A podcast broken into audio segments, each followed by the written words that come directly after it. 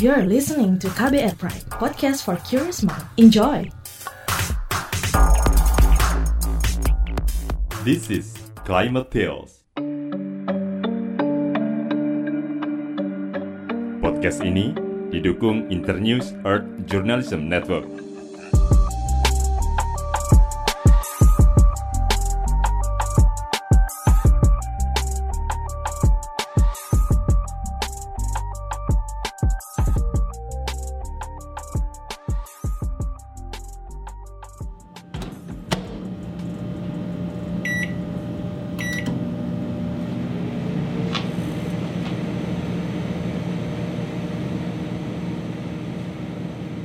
Hidup di zaman modern ini serba praktis ya.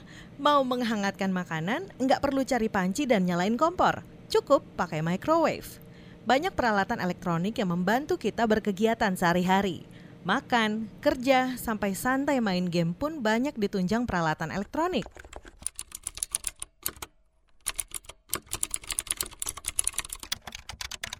Sadar tak sadar, kita makin bergantung pada perangkat elektronik.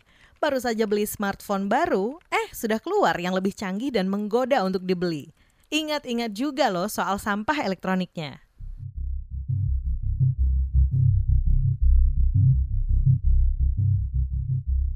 Global E-Waste Statistic Partnership tahun 2020 mengeluarkan laporan terbarunya.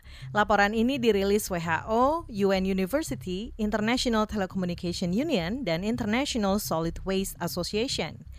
Di laporan itu tertera jelas, setiap komponen elektronik yang jadi sampah mengandung material yang bernilai dan beracun. Sebut saja lemari es dan AC.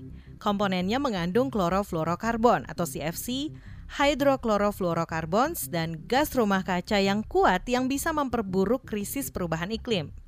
Manajer kampanye iklim eksekutif nasional Walhi, Yuyun Harmono, bantu menjelaskan isi laporan tadi. Misalnya di di data eh, Global E-Waste ya eh, itu di tahun 2000 2014 itu setiap orang di dunia itu dia menghasilkan sampah elektronik jumlahnya 6,4 kilogram eh, per orang. Jumlah ini meningkat di tahun 2019 misalnya dia menjadi 7,3 eh, kilogram per kapita gitu. Jadi per orang di seluruh dunia itu Dalam laporan ini disebut sampah elektronik dunia saat ini mencapai 53,6 juta ton.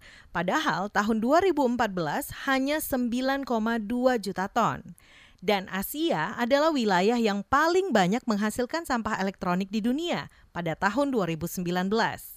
Semakin hari, konsumsi peralatan listrik dan elektronik terus meningkat karena meningkatkan kualitas hidup masyarakat modern. proyeksi ke depan dengan rate yang yang sama gitu di tahun 2030 jumlahnya bisa menjadi 9 kg eh, per kapita gitu. Jadi eh, jumlahnya akan terus naik karena seiring juga dengan banyaknya penggunaan elektronik ya, gadget dan lain-lain. Konsumsi ini juga berbanding lurus dengan pertambahan jumlah penduduk. Tahun 2030, dunia diperkirakan akan menghasilkan hampir 75 juta ton sampah elektronik. Artinya terjadi peningkatan nyaris 40 persen. Belum lagi daur ulang sampah elektronik masih minim. Jadi sampah elektronik yang bisa dikelola dan didaur ulang dengan baik itu jumlahnya cuma 17,4 persen gitu dari keseluruhan eh, jumlah sampah elektronik itu. Ada 82,6 persen yang itu berakhir di tempat pembuangan sampah ya itu berakhir di dibakar dan dikelola dengan tidak eh, berkelanjutan gitu. Jadi itu persoalan yang menurutku dialami juga di Indonesia gitu.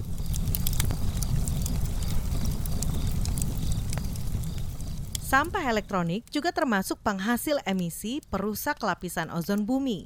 material yang digunakan untuk produksi smartphone ataupun eh, gadget yang lain itu juga berpengaruh terhadap berapa jumlah emisi yang dihasilkan kan gitu. Kalau kita hitung semua misalnya eh, handphone kita itu berasal dari material apa saja sih misalnya gitu. Di sana ada aluminium misalnya, di sana ada baterai ya eh, yang dibuat dari lithium ion, di sana juga ada plastiknya kan gitu. Itu baru dari aspek bahan baku. Belum lagi kalau kita lihat energi yang dipakai untuk menghasilkan barang elektronik tertentu. apakah dia berasal dari energi fosil ya eh, baik itu minyak bumi atau e, batu bara gitu ya atau barang itu diproduksi dari energi yang bersih energi yang terbarukan itu juga berpengaruh berapa emisi yang dihasilkan. Menurut Yuyun penghitungan jumlah emisi yang dihasilkan suatu barang seharusnya dilihat dari analisis daur hidupnya atau life cycle analysis. Artinya nggak cuma melihat dari sisi konsumen seperti jumlah penggunaannya tapi juga dari sisi produsen. Bagaimana mereka menghasilkan produknya? Ada data menarik ya. Misalnya dilihat kalau produksi smartphone saja ya itu bisa menghasilkan uh, sekitar 117 kg CO2 per orang ya dalam jangka waktu tiga tahun. Nah, 117 kg CO2 ekuivalen ini ini dihitung dari produksi dari uh, istilahnya itu uh, daur hidup si barang ini gitu ya. Jadi dari awal mulai pengambilan uh, ekstraksi bahan mineralnya gitu ya, produksi di pabriknya gitu ya, sampai kemudian penggunaan oleh si konsumennya. Jadi ini data lama sekitar tahun uh, eh, 2013 ya. Ini satu tesis uh, dari Royal Institute of Technology. Hmm, di rumah ada TV, smartphone, laptop, kulkas, dispenser bagaimana membereskan urusan sampah elektronik ini ya? Dari sisi produsen, inovasi yang dia maksud itu bukan seberapa cepat dia memproduksi barang-barang yang baru gitu. Harusnya seberapa baik itu diproduksi dengan mempertimbangkan ekstraksi sumber daya atau material yang yang keruk lah ya untuk memproduksi pemerintah dia mengatur itu, dia mengawasi itu, dia meregulasi itu supaya memastikan bahwa si produsen benar-benar melakukan itu. Nah, peran pemerintah juga misalnya mengintegrasikan dalam kebijakan supaya memfasilitasi si uh, konsumen juga limbah elektronik itu masuk di kategori W3 ya lu, ya lu sediain khusus misalnya tempat sampah yang khusus untuk elektronik. Kalau kita konsumen harus gimana?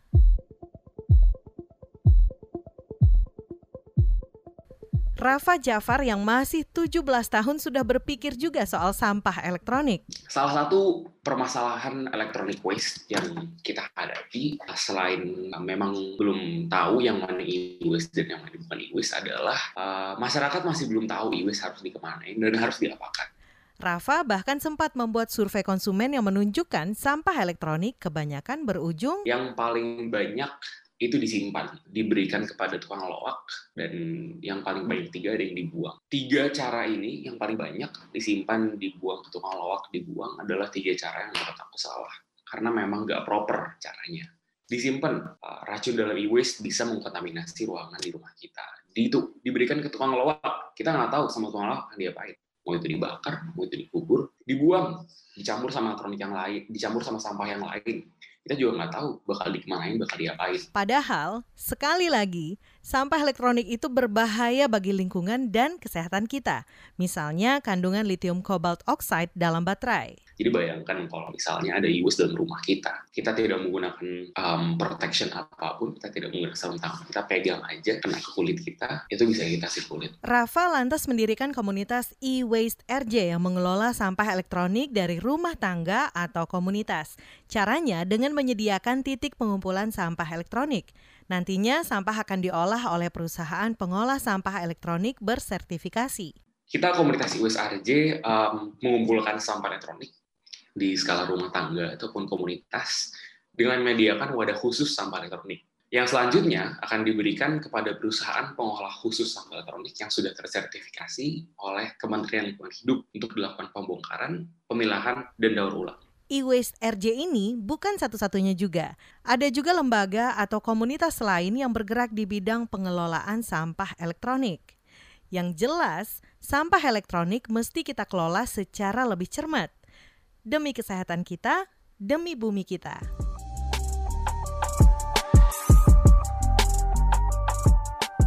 Kamu baru saja mendengarkan Climate Tales produksi KBR Prime didukung Internews Earth Journalism Network. Share podcast ini ke media sosial dan ajak teman-temanmu ikut mendengarkan ya. Saran dan komentar bisa di-email ke podcast at kbrprime.id.